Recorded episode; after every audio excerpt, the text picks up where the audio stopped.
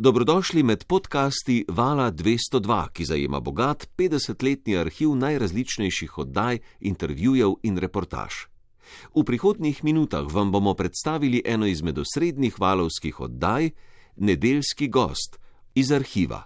Nedeljski gost Vala 202 tokrat prihaja iz letečega cirkusa Bornija Ecclestona, kot bi lahko poimenovali karavano Formule 1. Že več kot 40 let je v tem cirkusu z nekaj premori prisoten tudi Andreas Nikolaus Lauda, avstrijski dirkač, ki so ga ljubitelji Formule 1 tudi pri nas vzljubili pod imenom Niki Lauda. V Formuli 1 je dirkal z umestnim dveletnim premorom od leta 1971 do 1985 in v tem času osvojil tri naslove svetovnega prvaka. Tudi v današnjem pogovoru ga ne bomo spraševali o statistikah, predstavili bi radi eno od bolj zanimivih osebnosti v omenjenem letečem cirkusu. V tem dopoldnevu pred veliko nagrado Velike Britanije v Silverstonu je Niki Alaudo pred mikrofon povabil Miran Ališič. Nedeljski gost na valu 202. Niki Lauda, dirkač, poslovnež, televizijski komentator. Niki Lauda je zagotovo eno bolj zvenečih imen v svetovnem motošportu in preden smo prižgali mikrofone tule v Mercedesovem bivalniku na dirkališču v Silverstonu, sva se že malce pogovarjala o tem, kako to, da prav v Silverstonu denimo nikdar ni zmagal, pa je le zamahnil z roko po Laudovo, da mu pač že ni bilo usvojeno, da pa je zato zmagal nekje drugje. Ko sva se pogovarjala o začetkih, tudi vala 202 pred 40 leti, je takoj uskliknil, da so bili njegova glasba Rolling Stonesi in ne Beatlesi, čeprav so eni in drugi ustvarjali zelo dobro glasbo. Nekaj besed, preden začneva pogovor o Nikiju Laudi, o človeku, ki je doživel marsikaj, ki se je sprl s svojo družino zato, da je lahko postal dirkač, ki je potem v nadaljevanju eh, svoje kariere doživel hudo nesrečo, skoraj da umrl, se vrnil na dirkalne steze in eh, uspešno še dvakrat postal svetovni prvak. Vmes je trikrat poskušal z letalskimi družbami, prvič neuspešno, drugič zelo uspešno in jo potem prodal avstrijski letalski družbi, ter tretjič pred nekaj meseci tudi tretjo letalsko družbo znova uspešno prodal. Imel je tudi veliko težav z zdravjem. Že dvakrat eh, so mu ja, na nek način eh, poklonili ledvico, njegov brat in njegova eh, zadnja spremljevalka v življenju. Skratka, Niki Lauda ima zagotovo veliko zanimivega zapovedati. Moje prvo vprašanje pa je seveda namenjeno aktualni Formuli 1. Niki, ob sedmih zmagovalcih na osmih letošnjih dirkah, ali sploh lahko govorimo o favoritih v letošnji sezoni?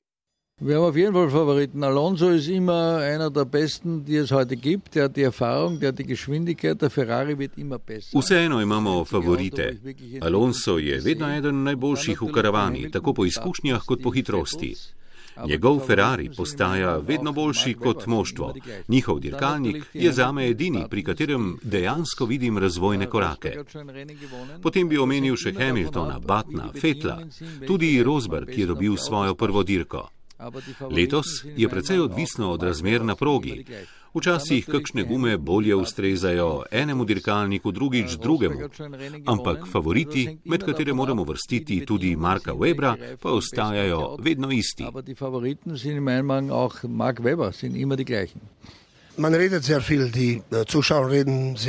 Kakšna je vloga dirkača? O tem se veliko pogovarjamo. Premajhna, prevelika, ravno pravšnja. Kaj menite? Predvsem se avto ne pelje brez voznika, zato so debate o tem nepotrebne. Vloga dirkača ob trenutnih taktičnih bojih z gumami pa je večja, kot je bila v preteklosti. Wenn wir zurückgehen in ihre Anfangsjahren, Anfang 70er Jahren, wie war Formel 1? Če se vrnemo v začetek 70-ih, kakšna je bila takrat Formula 1? Ne le dirkaško, nasploh. Je bila zelo drugačna kot danes? Rundum nur, fahrerisch, technisch, anders als heute. Največja razlika je, da je bilo takrat vse skupaj bistveno bolj nevarno. Dirkalniki so bili narejeni iz aluminija, proge pa niti približno niso dosegale današnjih varnostnih meril. Tveganje je bilo bistveno večje. Poleg tega pa je bila tudi sama vožnja dirkalnika precej zahtevnejša. Prestavljati je bilo treba ročno, brez elektronskih pomagal na volanu. Upravljanje dirkalnika je bilo torej težje, ampak zato, da si bil hiter, je bil tudi takrat potreben talent. Danes je varnost na dirkališčih že tako dobra, da si lahko vsakdo privošči tudi napako. Dirkalnik se ne bo poškodoval, zavrtiš se na progi in pelješ naprej. Tveganja v primerjavi z mojimi časi danes praktično ni. Die Risikobereitschaft wie zu meiner Zeit ist heute null. Würde Sie heutige Formel 1? Bi vas dirkanje s Formulo 1 zdaj bolj navduševalo kot nekoč? Preizkusili ste tudi nekaj dirkalnikov pred kratkim. Ja, würde mich auf jeden Fall mehr faszinieren, weil 30 Jahre später kann man zehnmal so viel verdienen wie ich zu meiner Zeit. Predvsej bolj me preseneča in navdušuje to, da lahko 30 let pozneje dirkač zasluži desetkrat več kot sem sam. Und vom Fahrerischen her? Aus dirkaške perspektive? Vom Fahrerischen her war meine Zeit natürlich schon eine Riesenherausforderung. Z dirkaškega zornega kota so bili moji časi en ogromen izziv. Sie kamen äh, aus einer reiche Familie. Prihajate iz bogate družine. Vaši predniki so bili von Lauda, ugledni Dunajčani iz časov monarhije, tudi bogati industrialci. Prihodnost ste imeli zagotovljeno, a kljub temu ste se kot mlad fant odločili za svojo vrstno pot. Zakaj?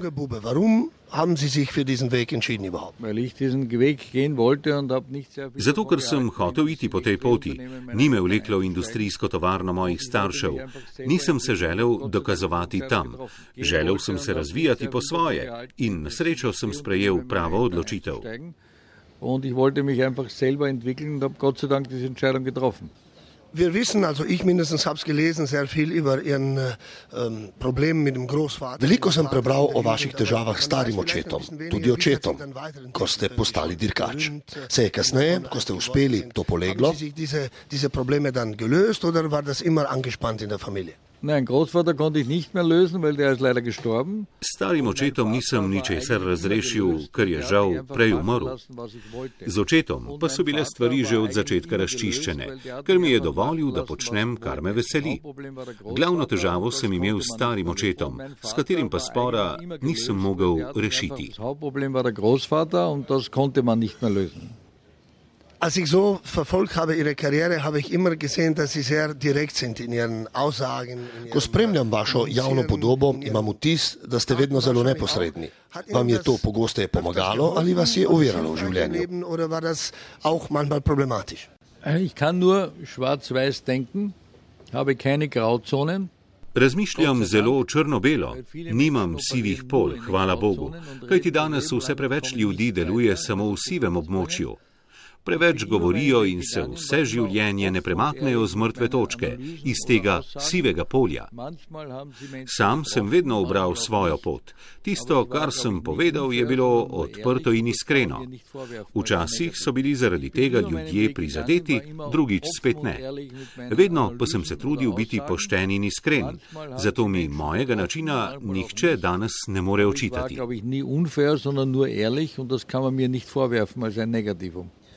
Sie haben sehr viele interessante Leute im Leben begegnet. Vom Enzo Ferrari bis Luca di Montezemolo. V življenju ste srečali mnoge zanimive ljudi. Naj naštejem le Enza Ferrarija, Luco di Montezemola, tudi Bernie Ecclestona, ja, pa Rona Denisa. Zelo različni so vsi ti ljudje. Kdo je na vas naredil največji vtis? Ron Dennis muss man auch natürlich erwähnen. Wer waren so die Leute? Mir ist es relativ einfach. Meine ganze Karriere wurde aufgebaut Povdariti moram, da se je moja karijera zgradila in dosegla vrhunec s Ferrarijem. Osebnostno je seveda izstopal Enzo Ferrari. Spoznal sem ga do potankosti. Bil je izjemna, značajsko zelo močna osebnost. Er hat eine besondere Beziehung zu vielen Fahrern. Über Gilles Villeneuve redete er als seinem, äh, seinem fahrerischen Sohn. Enzo Ferrari je imel zelo raznolike odnose s svojimi dirkači. Žila Villeneuve je imel za dirkaškega sina.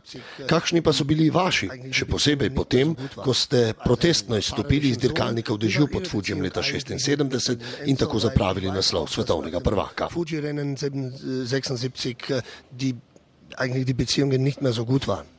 Beziehungen hatten wie jeder Fahrer mit Ferrari ein Up and Down, überhaupt keine Frage, aber im Großen und Ganzen habe ich mit Razmerje vsakega dirkača s Ferrarijem je imelo svoje vzpone in pace, o tem ni dvoma. Nasplošno pa lahko rečem, da sem imel do njega vedno zelo pozitiven odnos. Mislim, da tudi on do mene.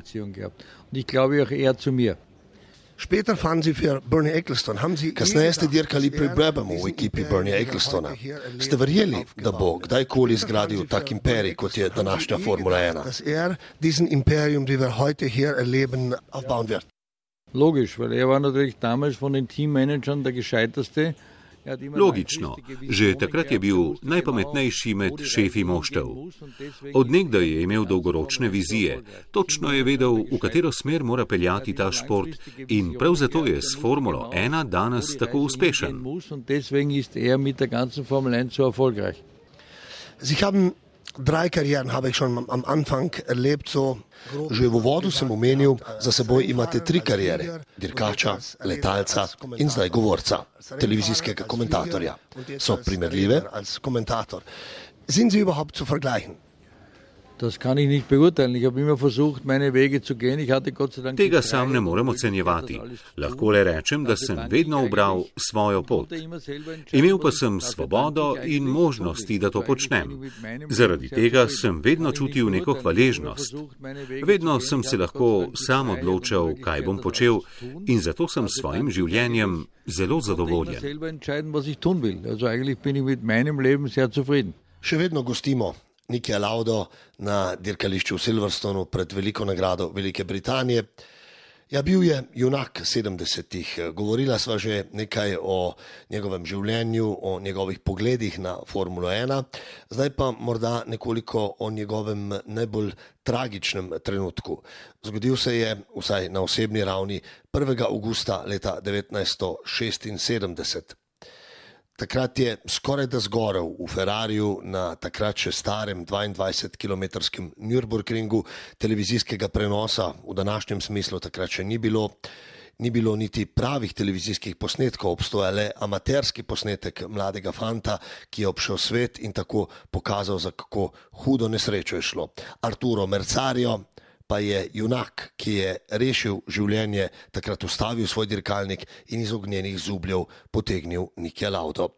Torej, spomini na ta 1. august 1976 je moje prvo vprašanje tega drugega dela. Also erst einmal an den Unfall selber hatte ich nie irgendeine Erinnerung. Same nesreče se niti najmanj ne spomnim. Če ne bi videl tega, kar je posnel omenjeni mladenič, ne bi vedel niti zakaj, niti kako se je vse skupaj zgodilo. Tako močno sem trčil v zid, da mi je glavo tako rekoč izklopilo. Ničesar se ne spominjam. Niti nisem vedel, ali se mi bo spomin na tisto nesrečo s časoma povrnil. Ni se vrnil. Zato sem danes na istem kot takrat. Ničesar ne vem. Deswegen ist es genauso, wie es damals war. Ich weiß es nicht. Jackie Stewart war in ihrer Zeit oder vor ihrer Zeit noch ein großer Kämpfer für die Sicherheit. Jackie Stewart je bil pred vami velik borec za večjo varnost v Formuli 1. Kako ste se vi zauzemali za več varnosti, predvsem po tej nesreči? In dieser Zeit oder nach dem Unfall dann umgegangen? Ich bin sofort, wie ich in die Formel 1 gekommen bin, war ich einer der Takoj, ko sem prišel v Formulo 1, sem postal eden od vodilnih dirkačev na področju prizadevanj za večjo varnost. Tako enostavno ni šlo več naprej. Vsako leto se je eden ali pa celo več dirkačev smrtno ponesrečilo. Zato sem se dosledno zauzemal za napredek. Nur einige Wochen nachher in Monza sind sie zurückgekommen. Die Welt staunte damals. Že nekaj tednov po nesreči ste nastopili na dirki v Monci, obvezani, vsekakor nepripravljeni. Kaj vas je gnalo k temu, da ste takoj spet sedli v dirkalnik? Erstes nachgedacht, dass sie so schnell zurück wollten. Also erstmal wusste ich, dass ich ein großes Risiko eingehe. Povsem sem se zavedal, kaj tvegam, ko se ukvarjam z dirkaškim športom. Ne morem reči, da nisem vedel, v kaj se spuščam. Zato tudi ne morem reči, da sem bil nad nesrečo kaj presenečen. Niti malo me ni presenetila. Vedel sem, da to v tem športu sodi zraven. Po nesreči sem se seveda vprašal, ali si želim to početi še naprej. Odgovor je bil da. In zato sem se pet tednov po nesreči spet pojavil na štartu v Monci. Poslušalci se bodo spraševali, da vas je moralo biti močno strah. Pa vas je bilo? Strah je seveda bil prisoten in treba ga je bilo premagati. Ampak dirkači smo dirkači, gledalci pa so gledalci. Zase sem bil prepričan, da si želim nazaj. Zavedal sem se tudi tveganja, potreboval pa sem dve ali tri dirke in tako je bilo spet vse kot prej. Und uh, habe dann zwei, drei Rennen gebraucht und dann war wieder alles normal. In Hollywood wird gerade jetzt in diesen Monaten ein Film über, über diesen Duell mit James V Hollywoodu te dni snemajo igrani film o vašem epskem dvoboju z Jamesom Huntom tega leta 1976. Kako gledate na take reči? Ste ponosni? Vam je vseeno? Wie sehen Sie auf solche Sachen? Sind Sie, bevorzugen Sie sowas oder ist Ihnen wurscht oder wie sehen Sie so etwas? Nein, ich wurde gefragt, ob ich mithelfen kann. Vprašali so me, ali lahko pomagam Petru Morganu, ki je pisal scenarij za ta film, da bi čim bolj natančno opisal dogodke v tistem času. To sem seveda rade volje storil. Film pa ima hollywoodske dimenzije. Ne gre za dokumentarec o meni, pač pa za hollywoodski izdelek v letu 1976 in o dvoboju Hunt Lauda. Zelo me zanima, kako bo film sprejet med občinstvom. Hunt gegen Lauda. Also ich bin sehr gespannt wie er beim Publikum ankommen wird. James Hunt ähm, war wahrscheinlich ein anderer Charakter als Sie. James Hunt je bil takrat vaš najtesnejši tekmec. Umrl je mlad zaradi infarkta. Kako se ga spominjate? Ne le kot dirkača, tudi kot človeka. James Hunt generell als Mensch, nicht nur als Konkurrent 1976. Als Mensch hatte ich zu ihm ein sehr gutes Verhältnis, weil ich kannte ihn ja damals schon aus der Na človeški ravni sva se zelo dobro ujela, saj sva se poznala že vrsto let. Že iz časov, ko sva dirkala v Formuli 3. Vzeli so pač leto 19. 1976, v katerem je bil napet dvoboj za naslov prvaka. Hunt je postal prvak s točko prednosti, ker sam zaradi nesreče nisem mogel nastopiti na treh dirkah, ampak zaradi tega se najn odnos ni nič poslabšal. Jasno je bilo, da je imel takrat lepe možnosti, da osvoji prvenstvo in to je tudi storil. Takrat ste na odločilni dirki leta 1976 izstopili, saj niste hoteli dirkati v močnem nalivu in tako izgubili svetovno prvenstvo. Se vam zdaj, ja, skoraj 40 letja, to zdi še vedno prav ali obžalujete to? Heute bereuen Sie das oder war das die richtige Entscheidung? Ich kann heute brauche ich nicht mehr drüber nachdenken. Damals war meine Entscheidung so. Danes nimamo tisti odločitvi več kaj premišljati. Takrat sem se tako odločil, zame je bilo pravilno.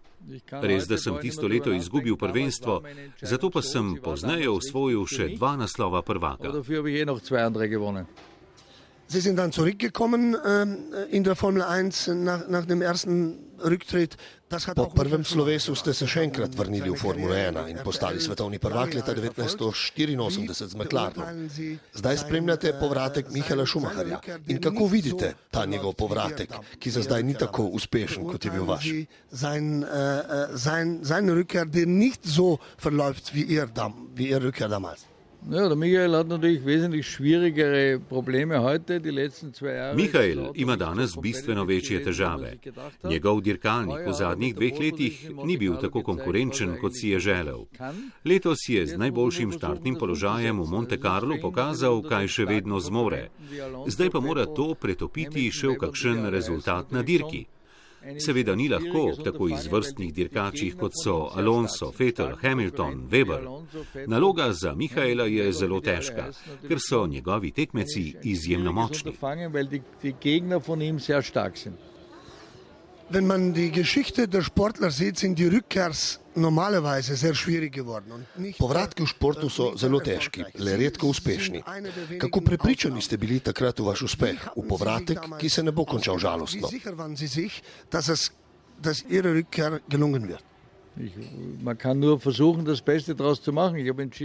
Lahko le poskušaš narediti največ, dati vse od sebe. In ko sem se odločil za vrnitev, sem temu posvetil vso energijo, da bi mi čim bolje uspelo.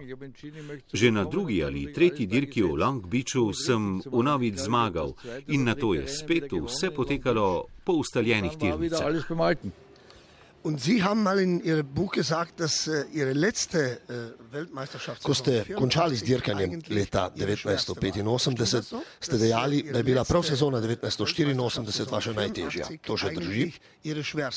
Stimmt das so? Ja, natürlich, weil Prost war in meinem Auto, im gleichen Auto, einer der schwierigsten Gegner überhaupt. Seveda, Prost je bil v enakem dirkalniku eden najnevarnejših tekmecev, kar si jih lahko zamisliš. Bil je že predstavnik nove generacije. Svetovno prvenstvo sem osvojil v dvoboju z moštvenim kolegom, kar je vedno najtežje. In to samo za pol točke. Bolj tesnega razpleta si ni mogoče zamisliti. Niki Lauda, nedeljski gost na valu 202. Veliko smo že govorili o njegovem dirkanju, o Formuli 1, o športu, v zadnjem delu pa se bomo posvetili tudi njegovemu siceršnjemu življenju. Večji del življenja je preživel kot poslovnež, imel je več letalskih družb, nekatere so propadle, druge je potem uspešno prodal. Pravzaprav je nenavadno, da dirkač Formule 1, športnik, postane poslovnež in to v tako zahtevnem poslu, kot je letalstvo. Seveda nismo mogli tudi mimo Slovenije in naših letalskih težav. In v tem zadnjem delu bom začel pogovor z Nikem Laudo z vprašanjem, zakaj ga je zanimalo letenje. Nicht die Leidenschaft zum Fliegen, sondern das wirtschaftliche Treiben Ni me vodilo samo navdušenje nad letenjem, ampak tudi poslovni izziv voditi letalsko družbo. Bilo je neverjetno težko z letalsko družbo kaj zaslužiti. Po koncu dirkaške karijere sem ustanovil družbo Lauda Air, ki sem jo 10 ali 12 let pozneje prodal družbi Austrian Airlines. Na to se tri leta nisem smel ukvarjati s tem poslom. Po tem obdobju pa sem ustvaril novo podjetje, ki sem ga poimenoval Niki. Tudi to podjetje sem prodal lani novembra družbi Air Berlin, tako da lahko rečem, da sem z doseženim na tem področju zelo zadovoljen.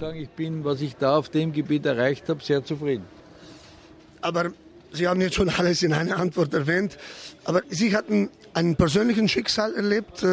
Mit diesem Unfall 1976 und dann eine Ja, vse ste strnili v en odgovor. Osebno tragedijo ste doživeli v že omenjeni nesreči leta 76.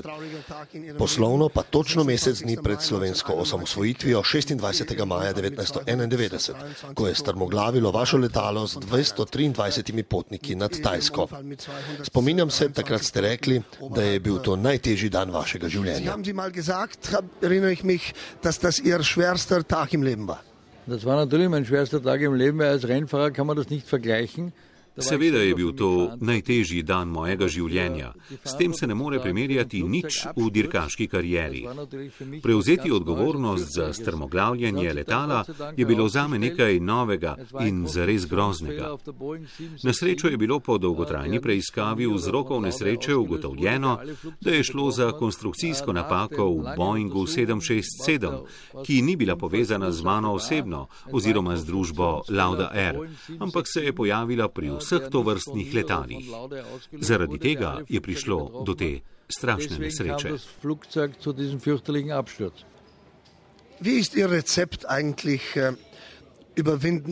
Kako ste vedno v življenju tako le shajali z vsemi temi nesrečami, tragedijami, boleznimi? Vse ste vedno premagali in vedno vas vidimo razpoloženega in optimističnega. Recept za to? Pozitiv rauskommen. Vedno znova se moraš soočati z novimi dogodki in izzivi.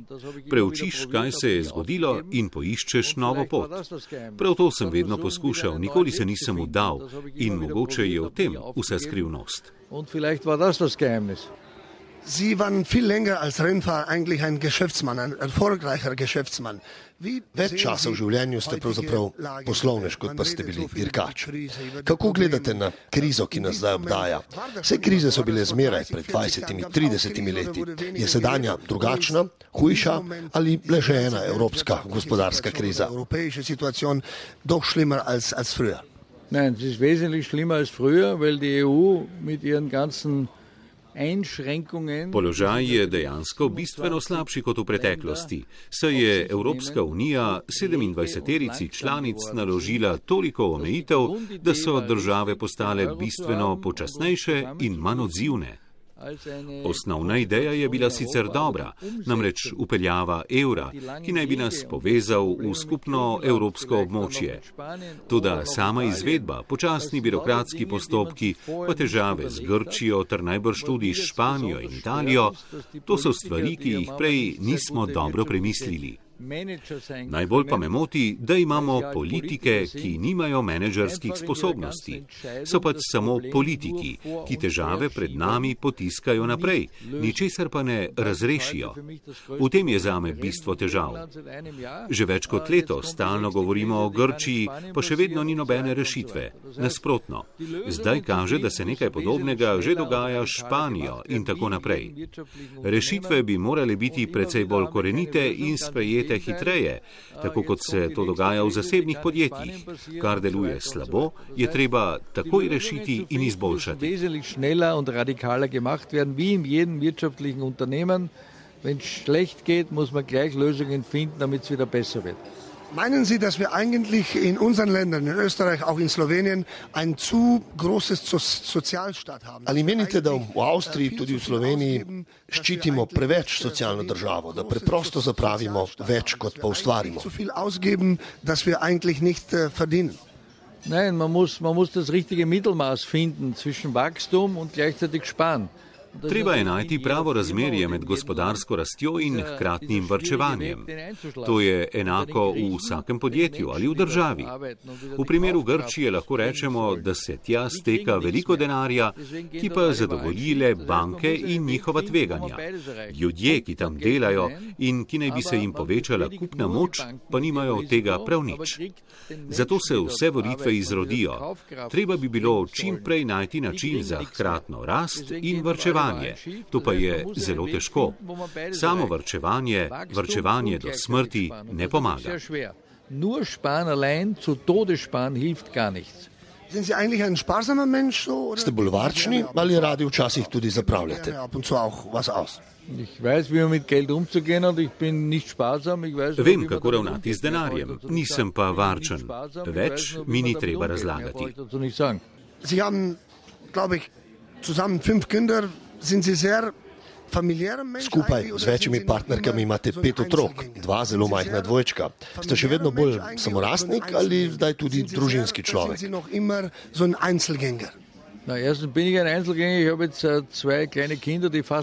Sicer sem samotar, ampak moja najmlajša otroka sta stara skoraj tri leta in sta trenutno moje največje veselje. Am Ende des Gesprächs noch etwas zum Nachbarland. Wir waren viele Jahrzehnte, Jahrhunderte sogar in. Ja, za konec še nekaj besed o našem sosedstvu. Nekoč smo si stoletja delili monarhijo. Vem, da ste bili večkrat pri nas v Sloveniji. Kako nas vidite? Odlično, zelo rad sem v Sloveniji. Lahko rečem, da so Slovenci na pol Avstrijci. Und noch die letzte Frage. Adria Airways ist ein staatliches Unternehmen. In povsem na koncu. Adria Airways, slovenska letalska družba, je vse čas v težavah. Bi se odzvali recimo povabilu slovenskega premijeja, če bi vas povabil v nadzorni svet ali v upravo Adria? Würden Sie das annehmen? Zelo uspešno sem zaključil prodajo svoje družbe Niki v Air Berlin. Zdaj sem v upravnem odboru Air Berlina, zato ne morem početi ničesar drugega. Vielen Dank, to je bil torej Niki Lauda. Vielen Dank für diesen Gespräch und für diese Minuten mit uns. Danke vielmals. Torej, Niki Lauda, nedeljski gost na valu 202, še veliko poslovnih uspehov mu želimo radio, ki ugaja. in nagaja. Že 50 let.